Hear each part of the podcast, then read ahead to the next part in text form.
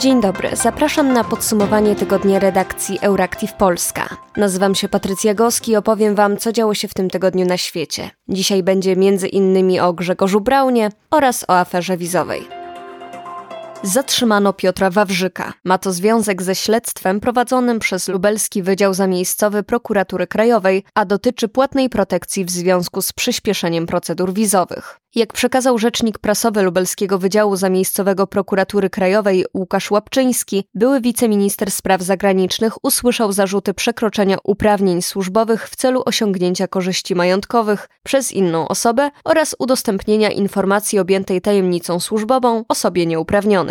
W okresie między lutym 2022 roku a majem 2023 roku Wawrzyk nadzorował w Ministerstwie Spraw Zagranicznych m.in. Departament Konsularny. To w tym okresie doszło do wielu nieprawidłowości w systemie wydawania przez polskie placówki dyplomatyczne wiz. Media ujawniły wówczas, że obywatele państw azjatyckich otrzymywali w trybie przyspieszonym wizy, a z Ministerstwa Spraw Zagranicznych wychodziły naciski na te placówki konsularne, które zgłaszały wątpliwości co do tego, czy owe osoby w ogóle powinny wizy otrzymać. Część z nich podawała się na przykład za członków indyjskich ekip filmowych, choć z taką branżą nie miały nic wspólnego. W sierpniu ubiegłego roku w związku z powyższymi nieprawidłowościami Wawrzyk stracił stanowisko ministra spraw zagranicznych. Doszło również do zatrzymań osób, które miały korzystać na tym, jak pod nadzorem wiceministra funkcjonował system wizowy. Jak podał rzecznik Łapczyński, były wiceminister nie przyznał się do postawionych mu zarzutów, a budynek prokuratury opuścił po kilkugodzinnym przesłuchaniu i po ustanowieniu poręczenia majątkowego w wysokości 100 tysięcy złotych. Śledztwo w sprawie tzw. Tak afery wizowej trwa i prokuratorzy nie wykluczają dalszych zatrzymań.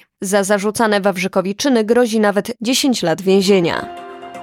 Sejm uchylił immunitet Grzegorza Brauna. Posła Konfederacji prokuratura chce ścigać w związku z siedmioma zarzutami. Jeden z nich dotyczy zgaszenia przez niego w grudniu świecy hanukowej w polskim Sejmie. Ponieważ prokuratura okręgowa w Warszawie chce postawić Grzegorzowi Braunowi siedem zarzutów, posłowie na posiedzeniu plenarnym siedmiokrotnie musieli głosować w sprawie uchylenia posłowi Konfederacji immunitetu parlamentarnego. W każdym z przypadków zdecydowana większość od 386 do 402 posłów wniosku Komisji Regulaminowej Spraw Poselskich i Immunitetowych o wyrażanie przez Sejm zgody na pociągnięcie do odpowiedzialności karnej posła. Wniosek prokuratury w tej sprawie wpłynął do Sejmu 9 stycznia. Trzy z zarzutów, jakie będzie mógł teraz formalnie usłyszeć Brown, dotyczą incydentu z 12 grudnia ubiegłego roku, gdy poseł Konfederacji zgasił za pomocą gaśnicy proszkowej świecę hanukową zapaloną symbolicznie w jednym z sejmowych gmachów. Konkretnie owe zarzuty mają dotyczyć publicznego znieważenia grupy ludności ze względu na jej przynależność wyznaniową, znieważenie przedmiotu czci religijnej oraz naruszenie nietykalności cielesnej kobiety. W tym ostatnim przypadku chodzi o zaatakowanie przez Brauna próbującej zasłonić świecę hanukową Magdaleny Gudzińskiej-Adamczyk, która wcześniej była uczestniczką uroczystości zapalenia świecy. Kobieta trafiła potem na krótko do szpitala. Pozostałe zarzuty dotyczą innych incydentów z udziałem posła Brauna, jakie miały miejsce w latach 2022-2023. Chodzi tu o naruszenie nietykalności cielesnej i pomówienie byłego ministra zdrowia Łukasza Szumowskiego, gdy ten był szefem Narodowego Instytutu Kardiologii, a także uszkodzenia mienia Niemieckiego Instytutu Historycznego oraz zniszczenie rzeczy na szkodę krakowskiego oddziału Stowarzyszenia Sędziów Justitia oraz FEMIS.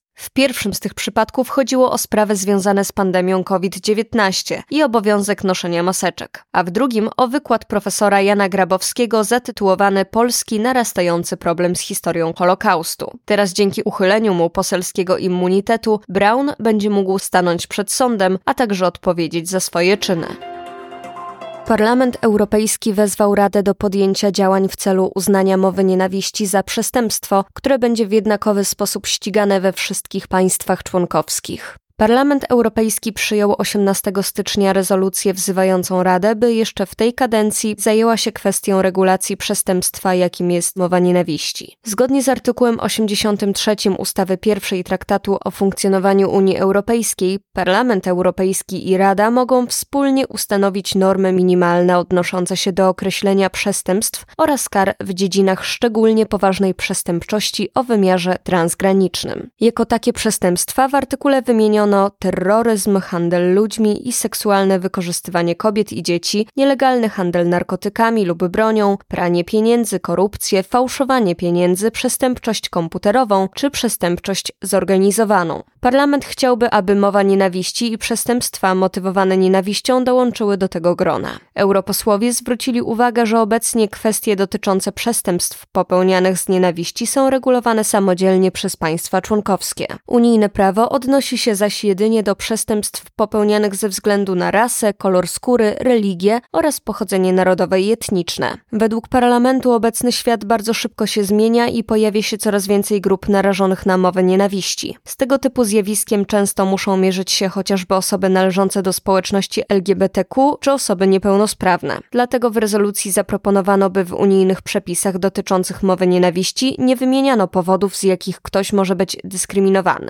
ale aby były one napisane w taki sposób, by mogły się odnosić do wielu różnych przypadków. W dokumencie zwrócono uwagę na to, jak ważnym prawem jest wolność wypowiedzi, ale jednocześnie europosłowie stwierdzili, że wolność ta nie może prowadzić do głoszenia nienawiści. Mowa nienawiści i przestępstwa popełniane z nienawiści mogą stanowić wyjątkowo poważne przestępstwa i dotykać nie tylko pojedyncze osoby oraz społeczności poprzez spowodowanie cierpienia i ograniczanie ich fundamentalnych praw i wolności, ale również całe społeczeństwo poprzez podważanie fundamentów, na których zbudowana jest Unia Europejska. Napisano: Za przyjęciem rezolucji opowiedziało się 397 europosłów. Przeciwko było 121, a 26 wstrzymało się od głosu.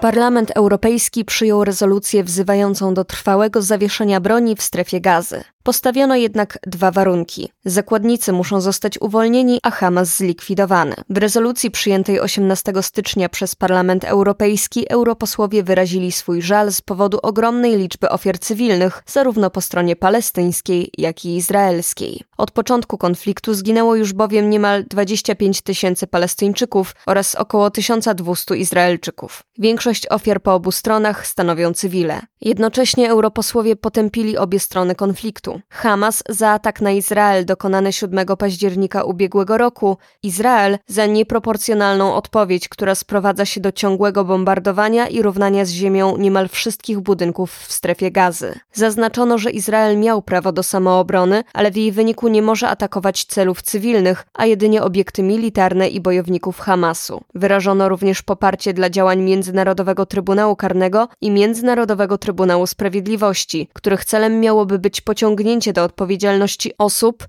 odpowiedzialnych za akty terrorystyczne, porywanie zakładników oraz celowe ataki na ludność cywilną. Przed Międzynarodowym Trybunałem Sprawiedliwości toczy się już postępowanie przeciwko Izraelowi, wytoczone przez Republikę Południowej Afryki. RPA zarzuca bowiem Jerozolimie, że ta dopuszcza się ludobójstwa Palestyńczyków. Izrael zaprzecza tym oskarżeniom, twierdząc, że duża liczba ofiar cywilnych jest winą Hamasu, który używa cywilów jako żywe tarcze. Izraelskie bombardowania doprowadziły do katastrofy humanitarnej w strefie gazy, dlatego też zaapelowano o natychmiastowe przywrócenie niezbędnej infrastruktury i umożliwienie dostarczenia w sposób szybki, bezpieczny i niezakłócony pomocy humanitarnej. Europosłowie wezwali do trwałego zawieszenia broni i wznowienia wysiłków na rzecz rozwiązania politycznego. Parlament Europejski poparł również rozwiązanie dwupaństwowe, w ramach którego obok siebie funkcjonowałyby zarówno państwo Izrael, jak i państwo Palestyna. Zwrócono zwrócono również uwagę na arabską inicjatywę pokojową, która została przedstawiona w 2002 roku. Zgodnie z nią wszystkie państwa arabskie obiecywały normalizację stosunków z Izraelem w zamian za zakończenie okupacji wszystkich terytoriów palestyńskich. W rezolucji wyrażono poparcie dla tej inicjatywy. Jednocześnie parlament wezwał do zakończenia izraelskiej okupacji na terenach palestyńskich. Stwierdzono, że budowane na zachodnim brzegu osiedla izraelskie są nielegalne w świetle prawa międzynarodowego. Europosłowie zdecydowanie potępiają wzrost przemocy ekstremistycznych osadników wobec Palestyńczyków i wzywają do nałożenia na nich unijnych środków ograniczających w przypadku naruszenia praw człowieka i prawa międzynarodowego. Czytamy w komunikacie Parlamentu Europejskiego.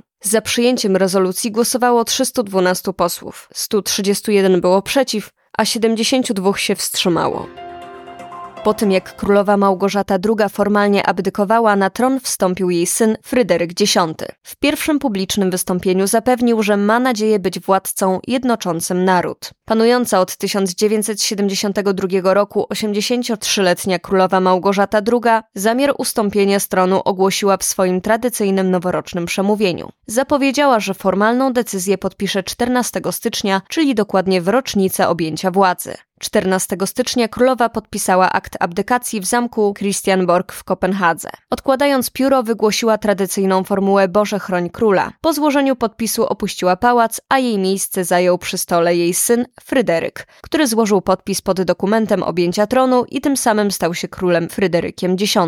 To, że procedura została dopełniona, ogłosiła z balkonu Christianborgu premier Mette Fredriksen, która przewodniczyła posiedzeniu złożonej z niej ministrów oraz nowego monarchy Rady Stanu. Tym samym Fryderyk X został oficjalnie proklamowany monarchą. W swoim pierwszym publicznym wystąpieniu nowy monarcha złożył hołd swojej matce. Na zawsze zostanie zapamiętana jako niezwykła władczyni. Jak niewielu mojej matce udało się zjednoczyć ze swym królestwem. Ja również mam nadzieję być władcą jednoczącym naród, powiedział nowy król Danii. Jak dodał, do objęcia tronu przygotowywał się przez całe życie. Przyjmuję to zadanie z dumą, szacunkiem i wielką radością. Potrzebuję całego wsparcia, jakie mogę uzyskać od mojej ukochanej żony, mojej rodziny i od was. I od tego, co jest od nas większe. Stawiam czoła przyszłości z pewnością, że nie jestem sam. Związany i oddany Królestwu Danii, powiedział Fryderyk X. 55-letni monarcha objął panowanie w chwili podpisania dokumentów. Od XVII wieku nie organizuje się już w Danii uroczystej ceremonii koronacyjnej. Nową królową będzie pochodząca z Australii Maria, która małżonką Fryderyka X jest od 20 lat. Nowym księciem koronnym, czyli następcą tronu, stał się zaś 18-letni książę Christian. To już wszystko w dzisiejszym podsumowaniu tygodnia redakcji Euractiv Polska. Życzymy Państwu miłego weekendu. Do usłyszenia.